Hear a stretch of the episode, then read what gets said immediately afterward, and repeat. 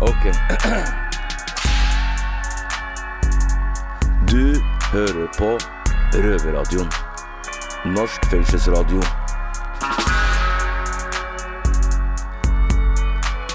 Bli med inn.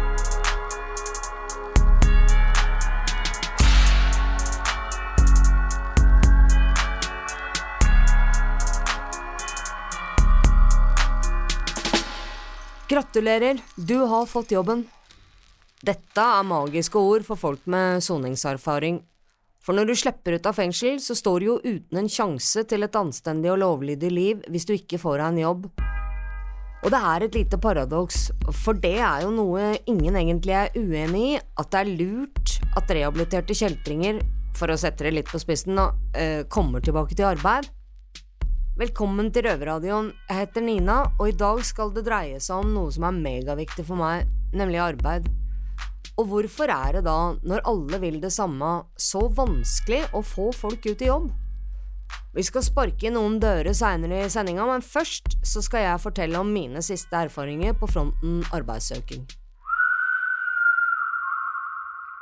Etter ti år som frihetsberøva i et høysikkerhetsfengsel sto jeg for et års tid siden utafor Grorud frivillighetssentral for å tilby min arbeidskraft gratis. Mm, Grorudhuset, som det kalles, eh, er et bosted og um, aktivitetssted for eldre i bydelen. Det møtet var avtalt på forhånd mellom Grorudhuset og fengselets Nav-representant. Jeg var kjempespent, men veldig redd også. Redd for å bli fordømt og forkasta, men samtidig klar for å vise at jeg kunne bidra med noe bra til samfunnet. Jeg ville bevise at jeg ikke lenger var den samme jenta som blei satt i fengsel. I Norge kan man få såkalt frigang i slutten av soninga si for å gjøre overgangen til friheten og samfunnet mer smidig, og det innebærer at man arbeider utafor fengselet på dagtid og drar så tilbake til fengselet for å ete og sove resten av døgnet. Mm, Det første møtet gikk over all forventning, og jeg blei godt mottatt av lederen der, og mm, hun ga oppgaven med å gi meg jobben videre til eh, sin høyre hånd. Og vi blei enige om at tre eller fire timer, ca. tre ganger i uka, var en bra start for meg. Jeg skulle blant annet være bingooppleser, jeg kunne hjelpe til med trening, og dessuten bidra med musikalske innslag da jeg spiller gitar og synger. Dette fikk meg i fyr og flamme, og jeg gikk straks i gang med å finne fram låter jeg tenkte de gamle ville verdsette, og som jeg tenkte kunne hjelpe dem å huske på glemte og godere tider. Grorudhuset trengte bare å bekrefte ansettelsen min til fengselet, sånn at de kunne utarbeide frigangsdokumenter. Og en ansettelsesbekreftelse trengte jeg også for å få henta ut den vandelsattesten som eh, de ba meg om å legge fram. Det gikk noen uker, og av naturlige årsaker så var jeg utålmodig etter å komme i gang. Da blei det plutselig avtalt et nytt møte, og denne gangen skulle det foregå på B2, nemlig lavsikkerhetsavdelinga til Bredtvet kvinnefengsel. Representanten fra Grorudhuset, inspektøren ved fengselet og kontaktbetjenten min og jeg sjøl var til stede. Også denne gangen virka det som om jeg kom til å få jobben, selv om eh, på dette møtet blei jeg møtt med noen eh, det jeg syns var litt eh, rare spørsmål. Eh, hun spurte blant annet om eh, ikke det kom til å bli vanskelig for meg å ikke naske, fordi jeg hadde jo en rusmiddel- eller rusproblematikk fra før. Åh, jeg blei skikkelig provosert av det spørsmålet, og jeg følte meg krenka, for jeg har aldri hatt for vane å, å stjele av folk. eh, Men jeg svarte allikevel at eh, det var ikke sånn jeg hadde finansiert eh, rusmisbruket mitt. Og fengselet på sin side bekrefta at jeg kunne utføre alle oppgavene som en hvilken som helst annen frivillig kunne eller ville gjøre. Så vi skiltes, og det virka som det kun gjensto formaliteter eh, før jeg kunne gå i gang og jobbe. Det gikk ennå en tid, evig lang eh, for meg, eh, men eh, før noe skjedde. Eh, Men plutselig en dag så kom han ned på B2.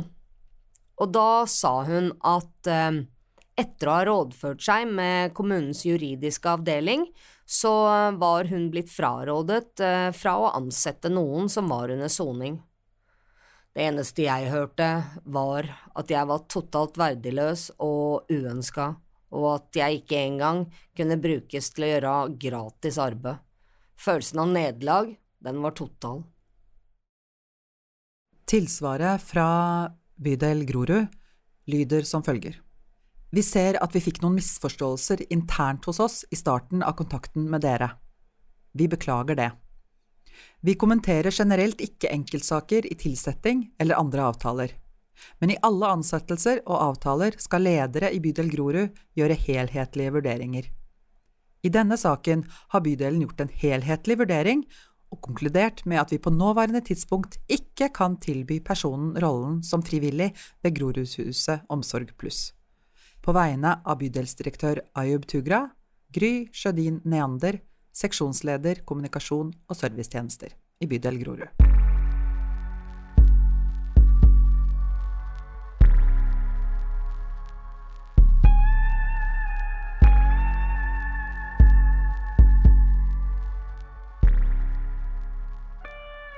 Når jeg fikk summa meg litt, så ville jeg prøve å forstå hva som faktisk hendte, og hvorfor de snudde 180 grader så nær målstreken, og ikke minst hvilke utfordringer andre som meg faktisk står overfor når de prøver å ta skrittet tilbake til arbeidslivet og samfunnet.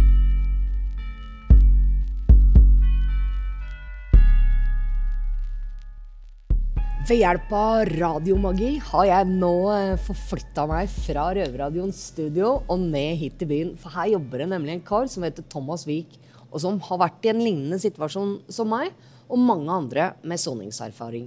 Så nå går vi og prøver å finne han. Se, der ser jeg en i gule klær, ja. Hallo! Er det du som er Thomas? Det var fint å treffe deg. Kan du bare presentere deg sjøl her?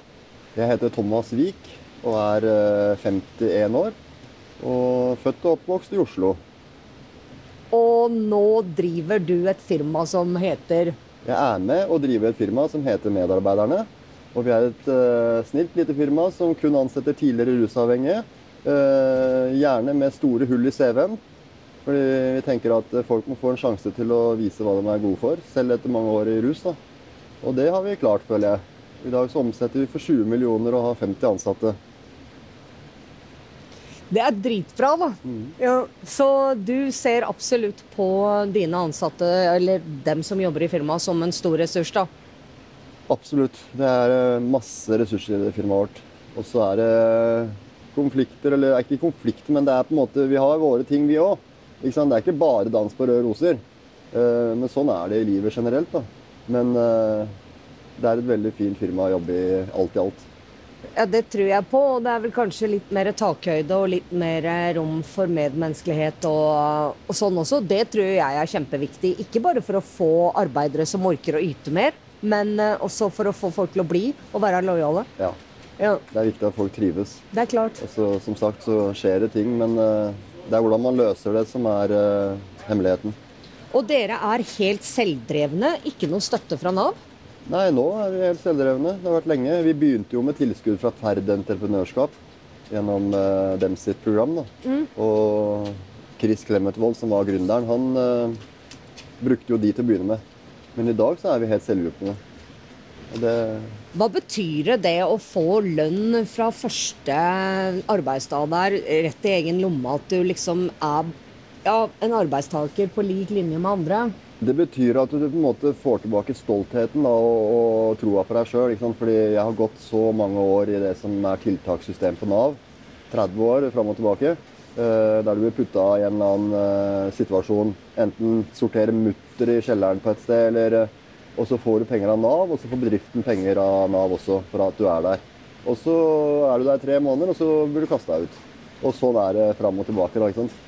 Eller gå med en sånn tralle og få 300 kroner dagen. Og det er bra hvis du er der at du At det er det du trenger? Det du ja, for det er absolutt mange som trenger det også. Absolutt. Ja. Eh, du jobber og sliter hele dagene nå, da? Ja, fra nå om dagen så er det mye. Nå ja. er det veldig mye. Det Jeg har jobba i Medarbeiderne i seks år Ja. og har gradvis eh, liksom eh, tatt mer og mer ansvar. Jeg har på en måte vært med å bygge opp bedriften. Oi, det var interessant. Ikke Ja. sant? Eh, Så jeg har stort eierskap i den bedriften der. da. ja, det skjønner jeg jo Ja. da. Ja. Og Eh. medarbeiderne driver da og skaffer jobb til folk. Ja, så Vi ansetter folk eh, på helt vanlige arbeidsvilkår. Ja. Det eneste er at du må ha rusbakgrunn. Du må ha rusa deg og slutta med rus Ja. og har lyst til å jobbe. ja, men det er jo helt fantastisk. Så fengselsbakgrunn da, er ikke noe must. Har du ikke rusa deg når du sitter i fengsel? da? Som Al- Ofte. Tro det eller ei, men alle har faktisk ikke det. Nei det hender, hender noen ganger at jeg treffer på en og annen der inne. Ja, nei, men Hovedgruppa Som- vår ja. er jo folk som har rusa seg. Ja, ja riktig. Som har uh, hatt rusproblemer. Så det er liksom de For det er jo, de, det er jo mange av de, da. Det er klart det er. Og jeg har jo sittet mye inne sjøl uh, før i livet. Mm. Og alle de gangene jeg har sluppet ut, liksom, og har bare hatt søppelsekken i hånda, stått på gata Ok, hva skal jeg gjøre nå? Skal jeg gå på Nav for meg jobb, eller skal jeg gå og hente dop? Valget det- pleier å bli altfor lett der. Det er jo det. For det. Men hvordan var det nå denne gangen som du kom ut og starta Altså, Medarbeiderne da? altså, det har vært en lang prosess, fordi eh, det her starta lenge før jeg begynte i Medarbeiderne. Ja. Det har vært en prosess i mange år, fordi min tyngste ruskarriere og kriminelle karriere var fra 1987 til sånn 1996 mot 2000. Og i 1996, så da begynte jeg for første gang å ha lyst til å komme meg ut av det. Ikke sånn, sånn ordentlig.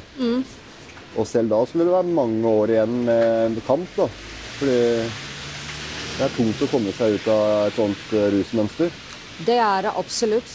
Men jeg tenker på når du slapp ut av fengselet nå sist gang. Kom du ut til noe som helst da, eller skaffa du jobb i fengselet? Hvordan var det? Nei, jeg har egentlig gjort det her sjøl, ja. Ja, du har gjort alt sjøl. ja. Bare all ære til deg, altså. Det er dritbra jobba, da. Helt konkret så starta jeg på skolen i 2011. Da begynte jeg på helsefaglinja Ja. og tok utdannelse som helsefagarbeider. Og begynte også i læra også, men eh, det røyk. Jeg mista den jobben. Og da var det jeg kom inn i Medarbeiderne for seks år sia. Og resten er historie, som de sier. Ja, Det, jeg har utvikla meg enormt da, siden eh, den gang.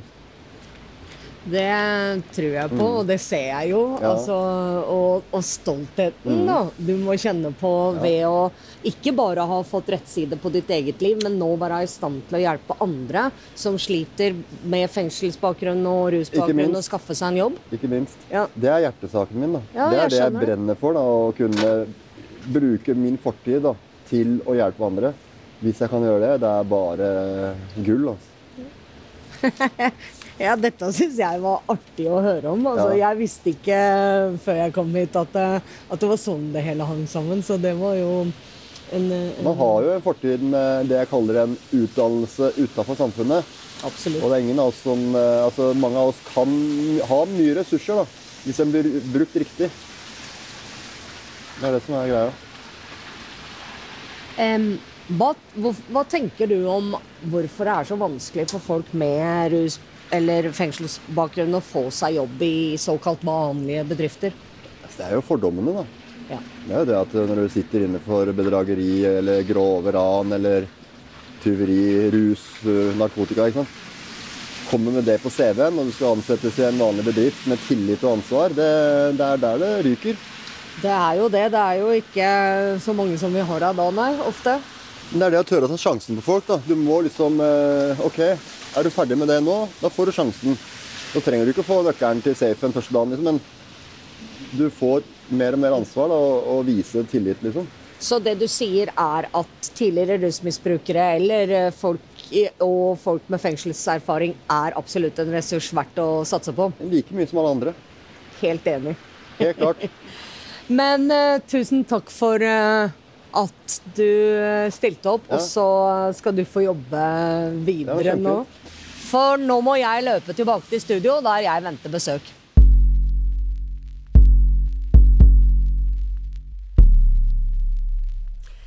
Eh, sommeren 2022 så satt jo jeg på B2, og da kom du og Oslo-kollega ned dit eh, for å informere oss om eh, hva dere drev med. Og det syns jeg var så spennende at nå har vi invitert deg hit til studio. Velkommen til studio eh, i Røverradioen, Liv Torskjell. Tusen hjertelig takk, Nina. Kan du fortelle meg litt hva Oslo-kollega gjør? Det kan jeg gjøre. Oslo-kollega gjør jo den eh, lille, store oppgaven å bistå folk som er utafor jobb, tilbake til jobb. Eh, og det er både folk som er utafor jobb pga. soning eller sykdom, eller kanskje aldri har vært i jobb. Så det er hummer og kanari. Eh, men i den forbindelse så var vi da på B2 for å, for å kunne prøve å få til et eh, samarbeid, eller i første omgang i hvert fall informere om mulighetene som er, Mm. til de som er innafor murene der. Så um, hvordan foregår det da at dere har arbeidsgivere på utsida dere samarbeider med, da, eller? Det har vi, det stemmer.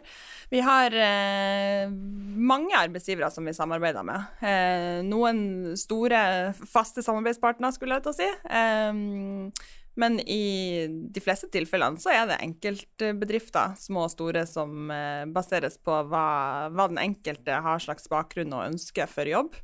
Um, så en veldig sånn klassisk uh, første møte er liksom Hvem er du, hva har du jobba med før, eller hva har du lyst til å jobbe med?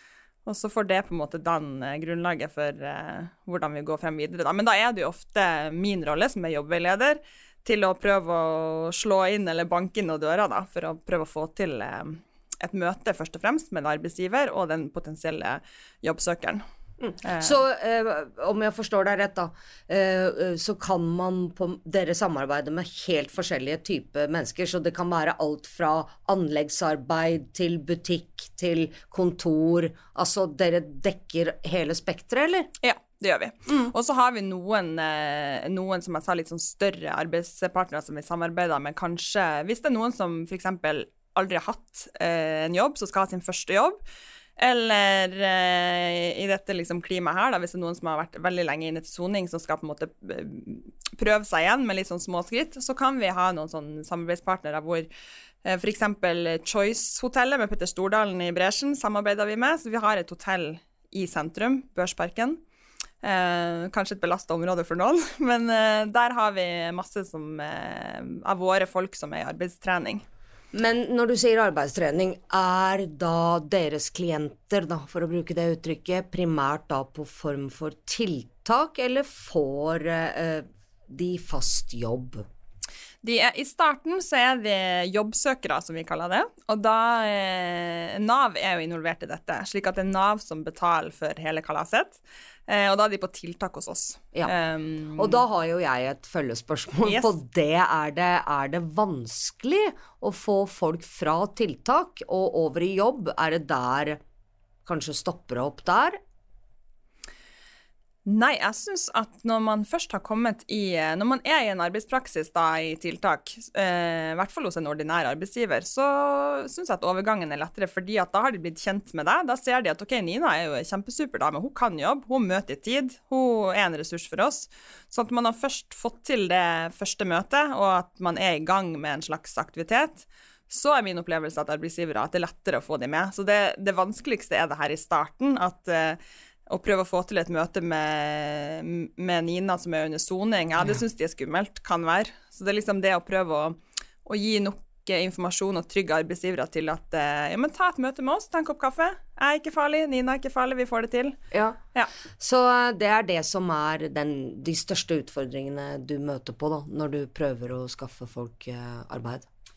Skepsis hos arbeidsgivere, mener jeg. Ja, skepsis og eh, kanskje fremfor alt eh, lite kunnskap. At de ikke vet så mye om det. Er vel kanskje det som er den største utfordringa med å bistå eh, innsatte som er i kriminalomsorgen, da, er at det er et så lukka samfunn.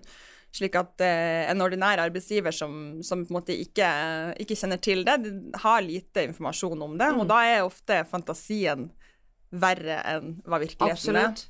Så Hva har- tenker eh, du at trengs for at det skal være lettere å få folk ut i jobb, da? Hva, hvordan skal vi angripe holdt jeg på å si, disse arbeidsgiverne, så de forstår at det er trygt å satse på f.eks. Eh, tidligere straffedømte?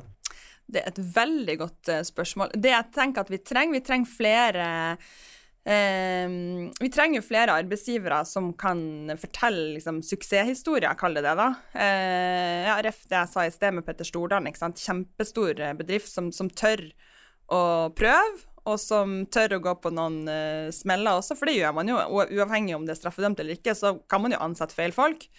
Men jeg tenker at man trenger å ha noen uh, arbeidsgivere som kan dele av sin erfaring. Um, og så tror jeg òg at uh, kriminalomsorgen er nødt til å brette opp armene og komme litt på banen og um, ja, informere litt om uh, Informere, jeg vet ikke, men de må på en måte synliggjøre seg litt mer, og, og, og også være med på den biten som er rehabilitering, og ikke bare ha fokus på fengsling og sikkerhet og regler og rutiner, men også ha en, en lengre tanke på at folk skal ut.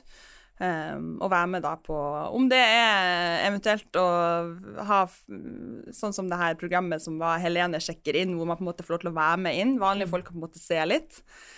Uh, hva som skjuler seg bak de høye murene. Og så er jo det utfordringa der er jo ofte det at um, det er jo ganske modig av disse domfelte å skulle gå ut med fullt navn eller ansikt og fortelle sin historie, og at kanskje mange av de som gjør det, ikke nødvendigvis er gjennomsnittsdomfelte, hvis du skjønner hva jeg mener. At, at det kanskje er noen som um, ja, kanskje er med på å gjøre det bildet uh, mer skummelt enn motsatt, da. Man Ja, ja jeg mm. tenker Altså, det er veldig artig at du sier det, men jeg tenker at det å, å begjære at folk skal gå ut med bilde og så det er Det, det går jo ikke. Nei. Men jeg likte veldig godt det du sa om um, at kriminalomsorgen trenger å komme mer på banen og være mer proaktive i forhold til um, den rehabiliterende delen av å, og, og, og tilbakeføringsdelen av å faktisk komme ut i arbeid igjen. Absolutt. Fordi eh, straffedømte opplever jo veldig begrensninger. Det er jo kun mulig å jobbe eventuelt frigang det siste året, og det er jo veldig eh, veldig begrensende. Hvis det er noen som har påvirkningsgrad som hører på det her, så er det helt klart og tydelig beskjed at den frigangsreglementet, det er gammeldags, utdatert, nedstøva. Absolutt. Og det gjør det kjempe... Det er kanskje det største handikappet for domfelte, er, er det regelverket som ikke henger med i tiden i det hele tatt. Eh, men helt til sist, eh, hvorfor bør eh, arbeidsgivere ta en sjanse på innsatte? Vet du hva, Det burde de gjøre, eh, fordi all min erfaring Og jeg har jo jobba både i kriminalomsorgen og i, nå i Oslo Kollega, og min erfaring er at eh, hvis domfelte får en mulighet, så blir de så enormt takknemlige. Eh, og har mye å miste på det også. Sånn at de blir så innmari gode og lojale arbeidsgivere. Så derfor burde de ta sjansen og tørre å si ja. Kloke ord. Takk for at du kom til oss, eh, Liv Torskjell. Eh, det Takk var fint å ha deg. Hei. Hei.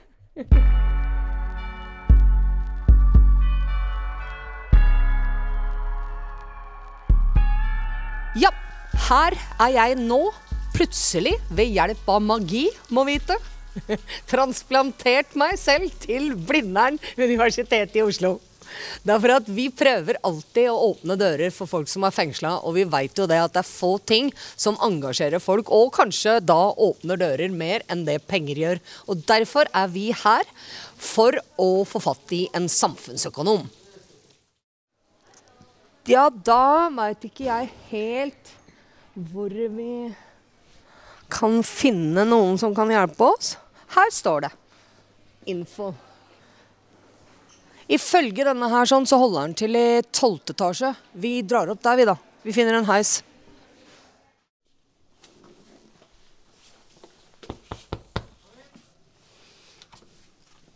Hei, hei. Hallo. Nina fra Røverradioen her. Ja, takk. Det var fryktelig hyggelig av deg å ta oss imot, da. Jeg hadde ikke noe valg, så uh, Jo, det er klart du har. Du har jo alltid et valg. Sitt, noe... sitt, ned. Uh, så dette er Røverradioen. Det er et veldig godt navn. Ja. Eh, vi lager et program her nå om eh, viktigheten av å få folk ut i jobb. Ja. Og derfor, siden du veit alt om penger nå, og samfunnsøkonomi, det vet vi ikke, men Jo, det veit jeg at du sikkert gjør, da. Så, så, tenkte vi at vi skulle få deg til å finne ut hvor mye vi som skattebetalere kan tjene på å ha en eh, straffa i arbeid kontra i fengsel? Ja, Det er jo helt åpenbart enorme gevinster. I det ene tilfellet så uh, produserer hun ingenting, uh, men uh, må ta vare, bli tatt vare på med vakthold osv. I det andre tilfellet så bidrar hun til samfunnsøkonomien minst med den samme produktiviteten som andre arbeidstakere. Så det er gevinster i to tilfeller to steder å hente. Både for det som bidrar med, og det vi slipper av utgifter i forbindelse med eh, ivaretagelse i fengsel. Men det kan jo være at for visse typer kriminelle handlinger så, eh, så vil det jo være eh, kanskje nødvendig med litt vakthold også i forbindelse med arbeidsoppgaver. ja. Så en, en får passe på at en ikke regner for dobbelt her. Men når det er sagt, så vil jeg bare si at, at det vil jo være store gevinster, selv om det ikke var liksom noe for skattebetalerne som viste seg direkte opp. ved at det vil jo være eh, En får jo en helt ny erfaring fra samfunnslivet.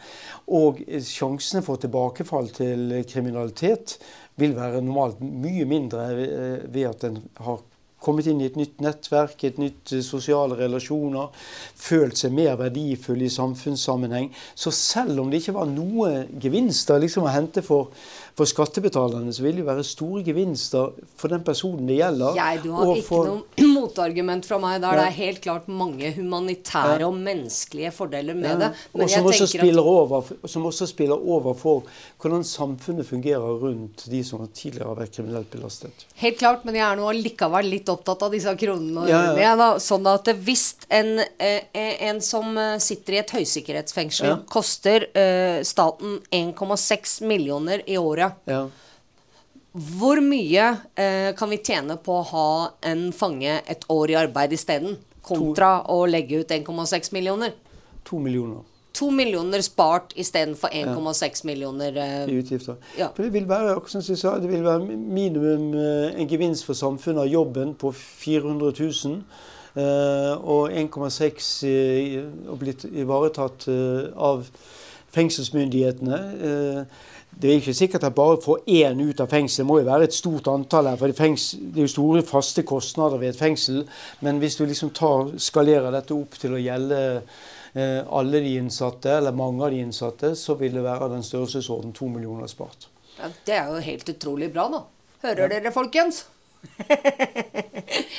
Oppfordring til alle som eh, trenger en jobb av ja. oss. Eh.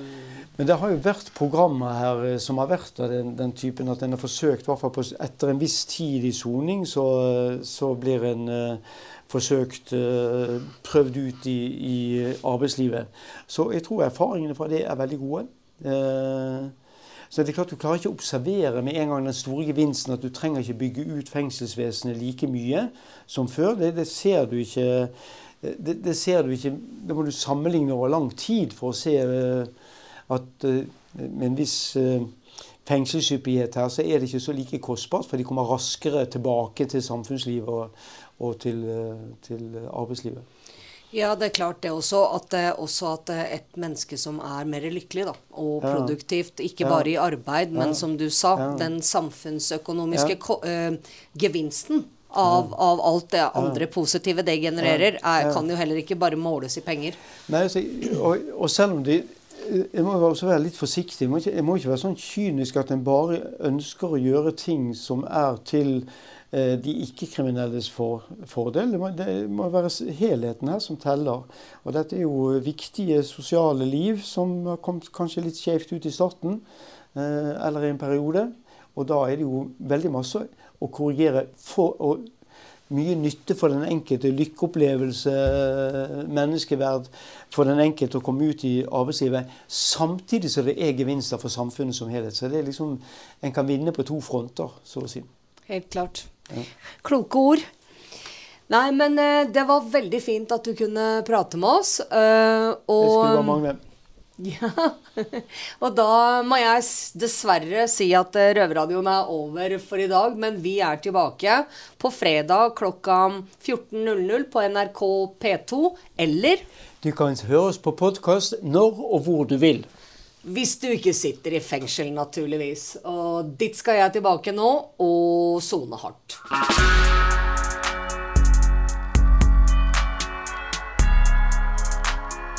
Musikken er laget av Trond Kallevåg. Røverradioen er en veldedig organisasjon som er avhengig av din støtte. Følg oss på Instagram, Facebook, Twitter eller gå til røverhuset.no og finne ut hvordan du kan støtte Røverradioen.